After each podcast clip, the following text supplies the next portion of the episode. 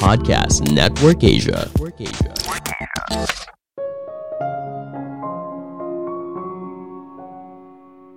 Video game itu jangan dianggap sebagai cuma hiburan, tapi ini bisa merupakan ajang latihan soal strategi dan kepemimpinan. Halo semuanya, nama saya Michael. Selamat datang di podcast saya, Sikutu Buku. Kali ini saya akan membahas kalau bermain video game ternyata bisa berkontribusi pada keahlian seseorang di dunia nyata. Ini merupakan rangkuman dari video TED Talk William Collis yang berjudul How Video Game Skills Can Get You Ahead in Life dan diolah dari berbagai sumber. Mungkin mayoritas orang berpikir kalau video game hanya permainan belaka. Ya memang betul, awalnya video game didesain sebagai permainan yang bisa dinikmati segala usia – namun seiring perkembangan zaman, video games tidak hanya dilihat sebagai hiburan, tapi bagi segelintir orang, video game ini bisa jadi sebuah olahraga yang menantang. Para pemain game profesional melihat game tidak hanya sebagai hiburan, tapi mereka bisa menghabiskan puluhan atau bahkan ratusan jam untuk mengulik game tersebut, berlatih, menyusun strategi, hingga menyusun sebuah tim untuk memenangkan pertandingan. Kriteria untuk jadi pemain game profesional juga tidak jauh berbeda dengan atlet profesional. Mereka butuh disiplin, kerja keras, punya keahlian teknis yang mumpuni, serta strategi untuk menang. Sebelum kita mulai, buat kalian yang mau support podcast ini agar terus berkarya, caranya gampang banget. Kalian cukup klik follow. Dukungan kalian membantu banget supaya kita bisa rutin posting dan bersama-sama belajar di podcast ini.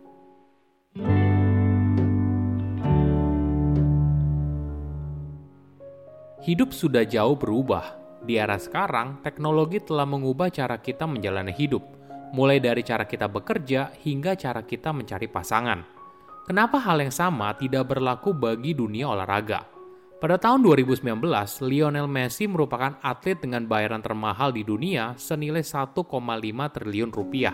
Artinya, hampir sekitar 28 miliar rupiah untuk setiap gol yang dicetak pada musim tersebut. Keahlian Messi yang sangat hebat membuatnya sangat dipuja oleh para fans dan juga sponsor. Bukan hanya itu, mayoritas orang di dunia juga suka dengan olahraga sepak bola. Olahraga ini menghubungkan berbagai generasi.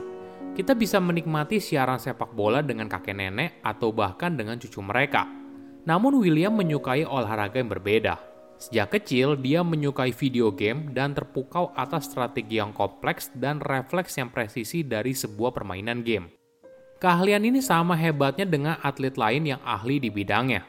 Kecintaan William pada video game tidak hanya dirinya seorang. Ratusan juta orang juga menonton perlombaan video game internasional seperti League of Legends World Championship. Pemain video game profesional juga mendapatkan bayaran yang fantastis, yaitu lebih dari 210 miliar rupiah dari satu turnamen bergengsi seperti Dota Invitational.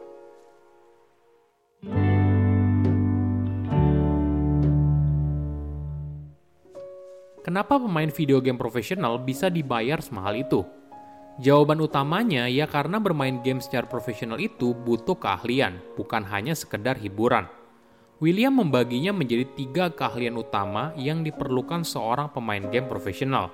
Pertama, mechanical skill, sering kali disebut sebagai mikro. Keahlian mechanical berkaitan dengan keahlian mengaktifkan dan mengarahkan keahlian di dalam game dengan akurasi yang sempurna. Bisa diibaratkan keahlian ini seperti kamu sedang bermain piano. Ada ritme musik dan tempo yang harus sesuai, sama halnya dengan reaksi kamu yang harus bisa pas dengan aksi atau reaksi lawan. Menariknya, pemain game profesional sering kali mengaktifkan puluhan tombol sekaligus yang biasa dikenal sebagai action per menit. Sebagai gambaran, pemain game profesional bisa mencapai 300 action per menit, atau sekitar satu aksi setiap seperlima detik.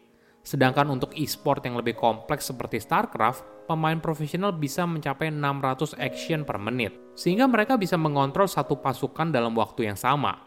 Ini bukan hal yang mudah. Gambarannya gini, bayangkan sebuah game klasik seperti Super Mario Brothers. Tapi kamu tidak hanya mengontrol satu Mario, sekarang ada 200 Mario. Bukan hanya itu, kamu tidak hanya bermain dengan satu layar, tapi ada puluhan layar. Setiap layar berada pada level yang berbeda Ditambah lagi, Mario tidak hanya bisa lari atau melompat, tapi punya berbagai kekuatan lain, misalnya teleportasi, menembak meriam, dan sebagainya. Semuanya harus diaktifkan dalam waktu sekejap mata. Kedua, strategic skill atau sering kali dikenal sebagai makro. Keahlian strategi berkaitan dengan bagaimana pilihan taktik yang diambil pemain untuk bisa memenangkan sebuah pertempuran. Ini ibaratnya seseorang sedang bermain catur. Kamu harus merencanakan untuk menyerang, membalas serangan, dan menciptakan sebuah pertempuran yang menguntungkan diri kamu.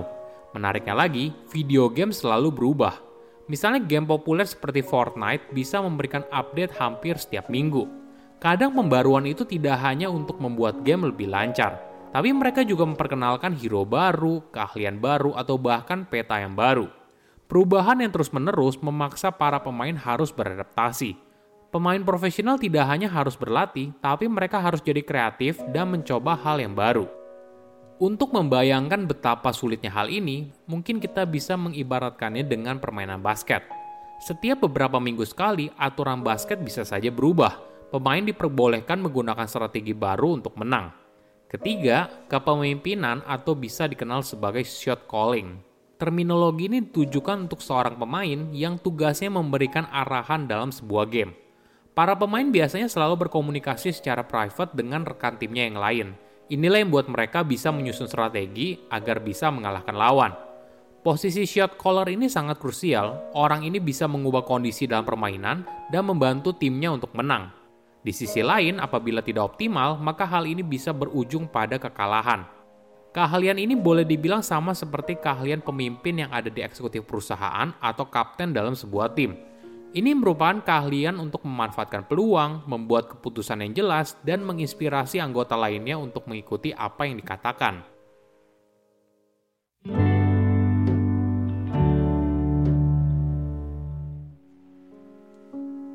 Di luar semua itu, sayangnya masih banyak orang menganggap bermain game itu sebelah mata. Kamu pasti pernah dong ketika kamu kecil, kamu diomelin sama orang tua karena main game terus.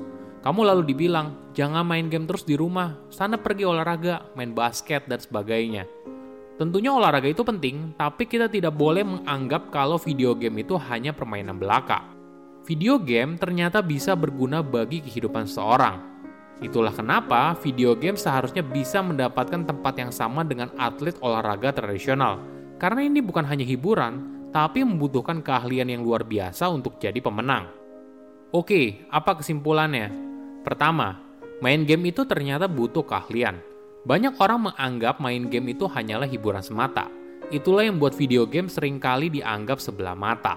Padahal untuk menjadi pemain game profesional butuh keahlian yang tinggi, tidak hanya soal keahlian mekanik seperti akurasi dan kecepatan memencet tombol, tapi juga soal strategi dan juga kepemimpinan.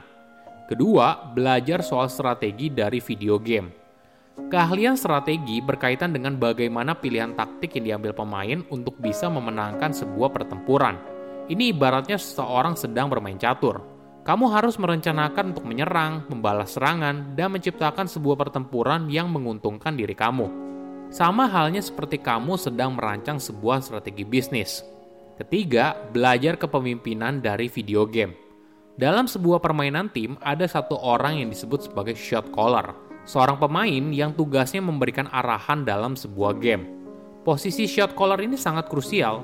Orang ini bisa mengubah kondisi dalam permainan dan membantu timnya untuk menang. Sama halnya seperti pemain dalam dunia nyata Orang ini harus bisa memanfaatkan peluang, membuat keputusan yang jelas, dan menginspirasi anggota lainnya untuk mengikuti apa yang dikatakan. Saya undur diri, jangan lupa follow podcast Sikutu Buku. Bye-bye.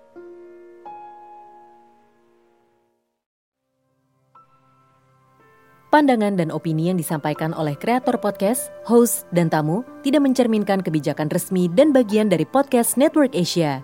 Setiap konten yang disampaikan mereka di dalam podcast adalah opini mereka sendiri dan tidak bermaksud untuk merugikan agama, grup etnik, perkumpulan, organisasi, perusahaan, perorangan, atau siapa pun dan apa pun.